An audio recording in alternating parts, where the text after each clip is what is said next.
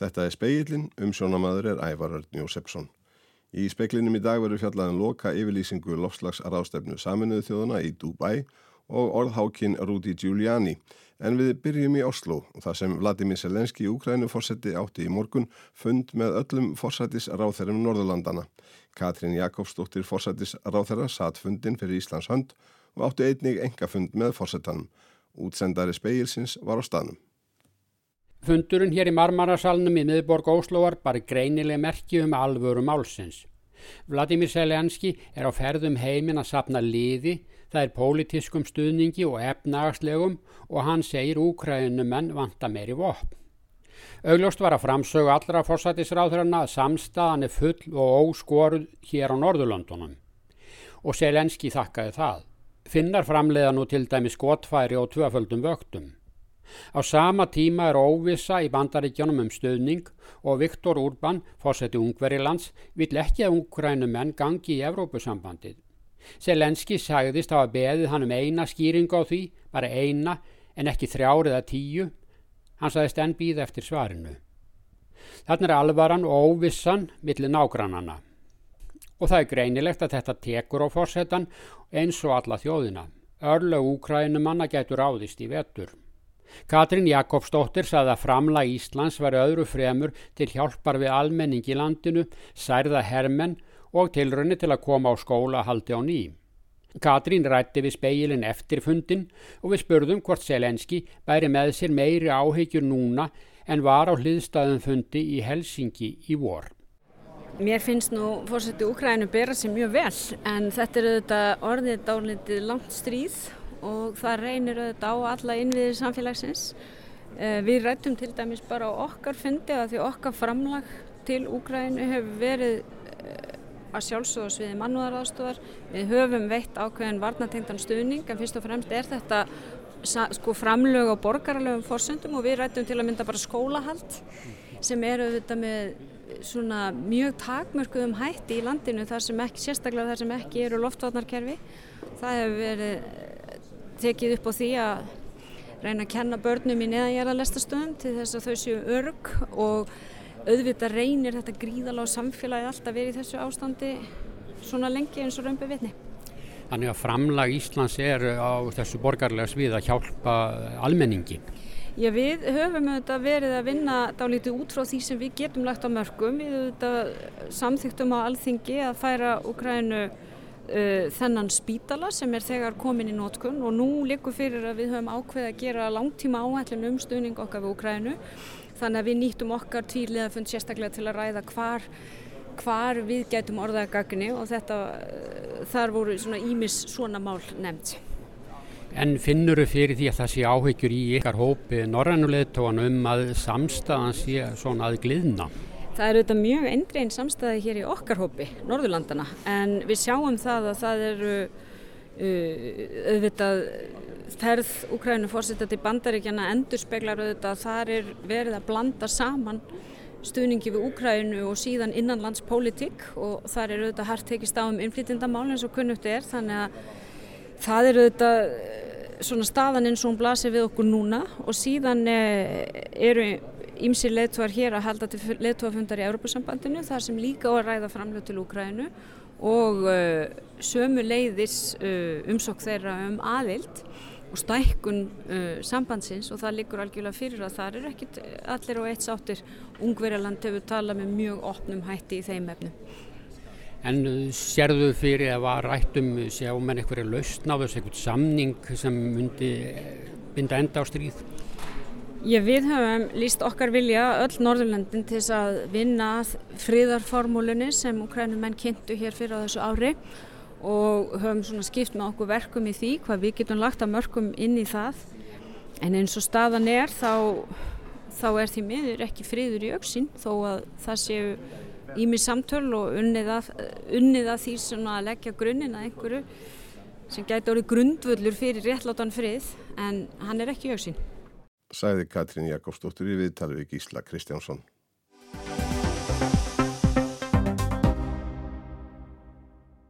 Nær 200 aðeldaríki saminuðu þjóðana náði í morgun samkómulagi á 28. lofslagsraðstefnu saminuðu þjóðana, COP28, sem haldin var í óljuríkinu Dubai í saminuðu arabísku fyrstadæminum undir lok heitasta ás í sögu veður mælinga.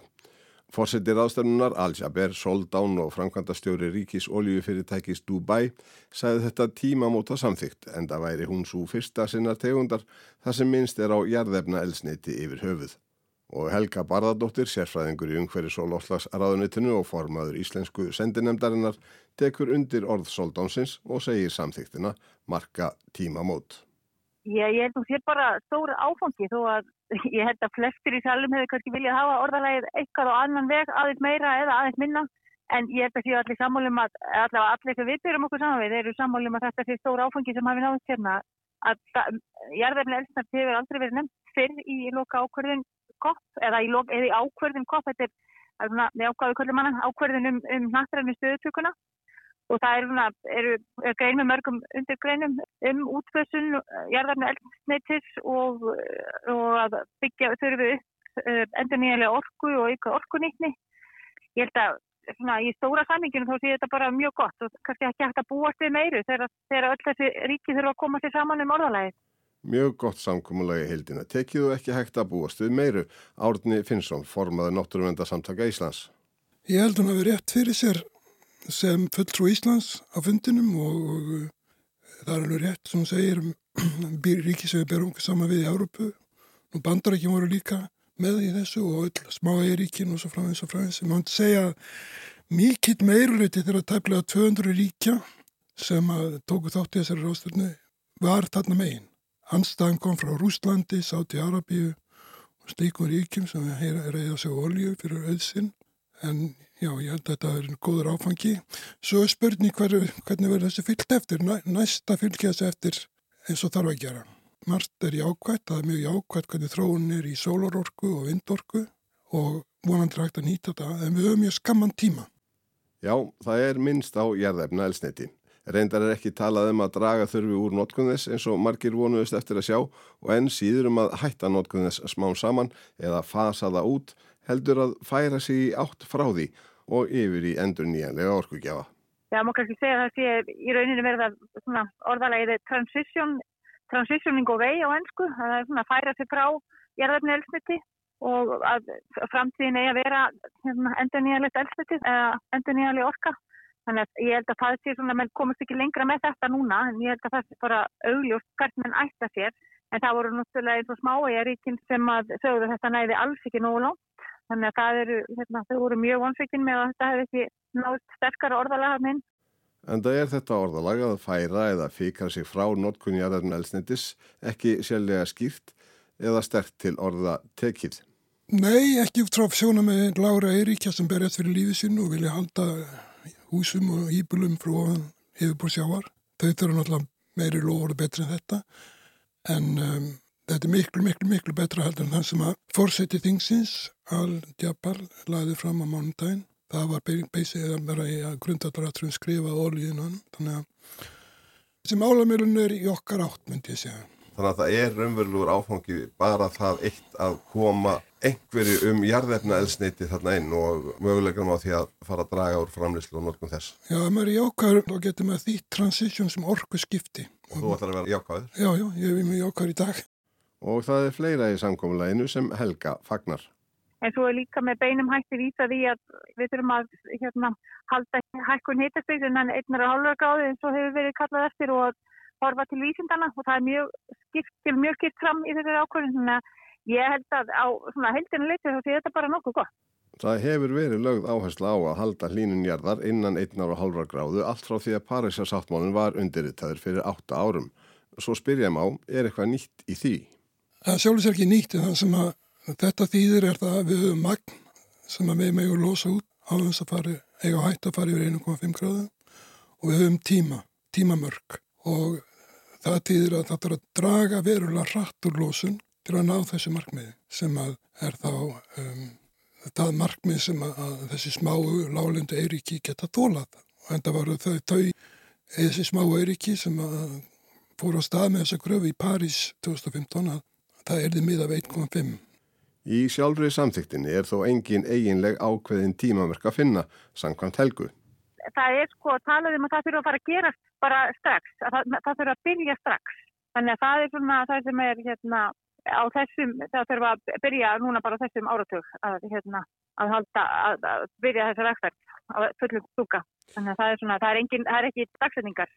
Engar dagsetningar en árni vil þó ekki meina að það vanti skýrt tímasett markmið í samþyktina. Nei, ég held að sé mjög skýra að mér lesa eins í skýslum vísindunamdar lofslagssamlingsins, það er að segja IPCC, þá er alveg ljóst að við höfum mjög skapt takmarkaðan tíma og við hafum mjög takmarkað magn sem við getum losað út í andrúrslóftið til viðbúta því sem búið er að losa og við þurfum að binda eins mikið hægt er með allskins öðrum en það er náttúrulega minnilutin aðlatrið er að draga úr losunum eins rætt og hægt er og eins mikið og hægt er til að ná þessum 1.5. Það er alveg ljóst að lestur í vísindin alveg klár með þetta þannig að með því að vísa 1.5 þá ertu komið tíma á magn. Með öðrum orðum, með því að vísa í 1,5 gráðu markmiðið og taka það fram að fylgja skuli ráðleggingum vísindamanna þurfi ekki að setja fram tölunum það hversu mikið og hversu hratt þurfi að draga úr losuninni. Það þarf ekki að ert læs á vísindin en það er náttúrulega mjög, er náttúrulega mjög, mjög gaglegt að hafa það vegna að það er ekki allir sem eru læsir á þessi eða vilja ekki sjá eins og Rúsland og Sáti-Arabi og fleiri. En þarna í Dubai þá voru það kannski kynverjar sem að gerðu, gerðu hérna munin, náðus þannig að leið á kynverjar svo því á þá var eiginlega ljóst að samkómulega verið komið. Tveir mikilvægir sjóðir voru líka fyrirferðarmiklir á ráðstöfninni, annars vegar nýstofnaður hamfarasjóður sem ætlaði að hjálpa efnaminni og viðkvamari ríkjum heims að bregðast við orðnum og væntanlegum hamförum af völdum lofslagsbreytinga og hins vegar sjóður sem ætlaði að greiða fyrir orkuskiptum í þróunaríkjum og öðrum efnagslega aðþrengdum löndum en í hann áttu efnameiri ríki heims að greiða 100 miljardar bandarækjadali á ári frá árunni 2020. Á ráðstefnunni í Dubai komi ljósa eitthvað minna hefur verið um emdir en orð hvað þetta varðar. Speilin spurði árna hvort það væru vonbriði. Já og nei. Sko, þessi 100 miljardar dólarar sem átt að veita á hverju ári til fátakra, fátakra ríkja eða efnaminni ríkja skulum segja. Það átt að gerast frá með 2020 og hefur ekki tekist en gæti, gæti nást á þessu ári. Þetta er greiðarlega mikilvægt en þess að þarna erum að ræða þjóðir sem að kannski brenna kólum til að skaffa sér orku og þessi ríki þurfa það aðstofið eða nýta sér endun í orku, sólarorku, vindorku eða hvað það er. Og síðan var stopnaður í sjóður, hann var eiginlega stopnaður í fyrra á COP27 í Sharm el Sheikh, bara stopnaður, hugmyndi var festa blað, núna er verið að reyna koma sér í stopnan eitthvað áfram, það gengur náttúrulega hægt og, og framlegin voru svona meira nafninu til, ég benda á að bandaríkir lögðu þar fram 17 miljónir dollara en ein F-16 stríðstvota kostar 61 miljard, miljónir segi dollara. Þannig að það var svona meira til að sínast en ekki. Þrátt fyrir að skemmra hafi verið gengið í sömu en vonast var eftir, segist Helga vera bjart sín á framaldið eftir þessa 2008. loslasrástefnu saminuðu þjóðana. Já, ég vona þetta slái tónin, að, en þetta gerist náttúrulega ekki á einni, einni nóttu. Það er alveg augljóst að menn hætti ekki að nota jarðarmjöðsnett á einni nóttu. Þannig að það er, við sjáum það bara heima, við erum að draga úr, við erum að fjölga ráðbílum heima, en það, það gengur, það þurfti kannski að ganga hraðar og það á við um allan heiminn. En þetta er fyrstu skrifin og ég held að það bara verða að setja sterk skilabóð þarna út um hvert við ætlum að eigum að stefna. Og árni deilir þessari bjart síni með helgu?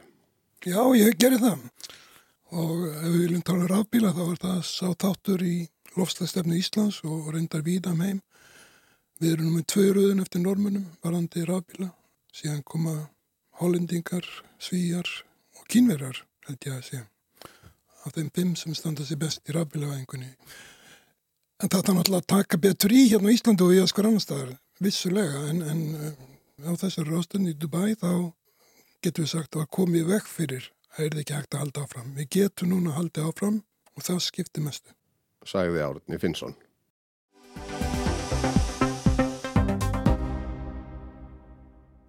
Rudy Giuliani, fyrirverandi lögmaður Donald Trumps, stendur við fulleringar sínar um að maðgur sem störfuð á kjörstaði Georgiuríki í fórsetakostingunum í bandaríkjónum fyrir þremur árum hafi reyndað að nekja úslitunum með svindli. Hann hefur verið sakfældur fyrir þessi orð. Réttar höld standa yfir í Washingtonborg þar sem ákveða á skadabætur sem hann þarf að greiða maðgunum. Maðgurnar Vondrea Sjei Moss og Rúbi Fríman störfuð á kjörstaði í Fulton síslu í Georgíu í november 2020. Eftir að í ljós koma Donald Trump hafi lotið í lagra haldi fyrir Joe Biden, hófu Trump og starfsfólk hans að bera breyður á úrslitin og drógu ekki af sér. Þeirra á meðal var Rudy Giuliani. Ruby Freeman and Shay Freeman Moss quite obviously surreptitiously passing around USB ports as if they're vials of heroin or cocaine. Rúbi Fríman og Shea Moss letu greinilega en þó leinilega USB minnir líkil ganga sín á milli eins og hann væri livjaglas með heroin eða kokaini, fullirti Giuliani á samfélagsmiðli. Þetta áttan eftir að endur taka vikurnar á eftir. Trump reðst einnig að maðgónum og kallaði móðurina atvinnukostningasvikara. Ruby Freeman, uh, she's a vote scammer, a professional vote scammer and hustler. Eftir þetta sættu maðgurnar ofsóknum af ímsu tægi. Þeim barast hótanir vegna ásakana fórsetans fyrirverandi og manna hans þar á meðal morðhótanir. Ringt var í síma þeirra og auðsið yfir þær ókvæðis orðum. Ímislegt miðurfallegt var látið falla á uh, samfélagsmiðlum. Þær báru vittni fyrir þingnemnd sem rannsakaði aðdraganda og afleðingar innrásarinnar í þinghúsið í Washington. Þar sagði Fríman að hún þyrði varla að segja til nafns og hefði tapað allri öryggiskend. Dóttir hennar sagðist hafa lokað sig inni, ekki þórað út úr húsi. Hún efaðist um sjálfa sig, átt og svaf, svaf og átt og þingdist um 30 kíló, svo að vittna sig í hennar eigin orð. Á endanum ákvaðum að gurnar að hafa það mála á hendur Rúti Giuliani fyrir æru meðingar. Það var tekið fyrir í sumar fyrir Alrikistómstóli í Vosintónborg. Hann hafnaði uppálega öllum ásökunum um ærumeðingar en viðurkendi á endanum að sí endur tekin ummæli hans um konurnar hefðu verið raung og meðandi. Giuliani bætti við að öll ummæli hans um fórsetakostningarnar 2020 og eftirmál þeirra hefðu verið innan marka tjáningafrelsis og ekki valdið neinum skada.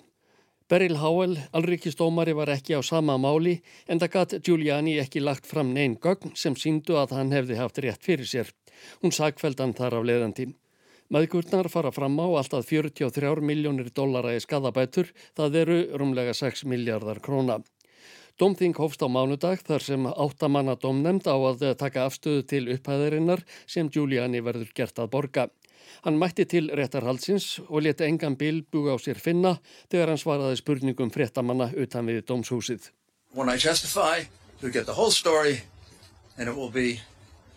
Definitively clear that what I said was true and that whatever happened to them, which is, it's unfortunate if other people overreacted, but everything I said about them is true. Þegar ég ber vittni likur sannleikurinn endanlega fyrir, það sem ég sagði var satt. Það er óheppilegt að fólk hafi brúðist of mikið við þessu en allt sem ég sagði er satt, sagði Giuliani. Þegar eh, frettamenn spurðan hvort hann sæi eftir því að hafa sakað maðgurnar um kostningasvik svaraðan snöggur upp á lægið. Of course I don't regret, I told the truth. Að sjálfsögðu sé ég ekki eftir því, ég sagði sannleikan. Þessi yfirlýsing Giulianis var til þess að Beryl Howell, eh, dómari, ávitaðan fyrir að halda áfram ærumiðandi ummælum gegn maðgunum. Hann kynni að eiga önnur málaferðli yfir höfði sér. Þá rættun við Joseph Sibley, verjanda Giulianis og spurði hvort hann teldi að skjólstæðingur hans ætlaði að draga tilbaka yfirlýsinguna frá því sumar. Ég get ekki stjórna því sem hann segir, svaraði Sibley. Ég held að Giuliani sé vel að sér í lögunum um ærumeðingar. Rúti Giuliani skuldar Rúbi Fríman og segi Moss þegar yfir 230.000 dollara vegna málaferðlana, það er rúmlega 32 miljónir króna. Hans býður að svara til saka í fleiri dómsmálum, þar á meðal málshauðun Georgiu Ríkis gegn honum og Donald Trump fyrir að hafa reynda nekja kostningaúrslutunum 2020. Báðir neyta sög. Þá hefur fyrirverandi lagmaður Giulianis hafða mál á hendur honum vegna ógreits lagfræði kostnaðar. Farið svo að Giuliani verður dæmdur til að greiða fríman á Moss 20 miljóna dollara skadabætur, segja verðindur hans að hann eigi ekki fyrir bótonum. Áskil Tómasson tók saman. Fleira er ekki í speklinum, tæknimaður var Mark Eldredd, Hægt er að hlusta á speilin í spilararúf og á helstu hlaðvarps veitum. Veriði sæl.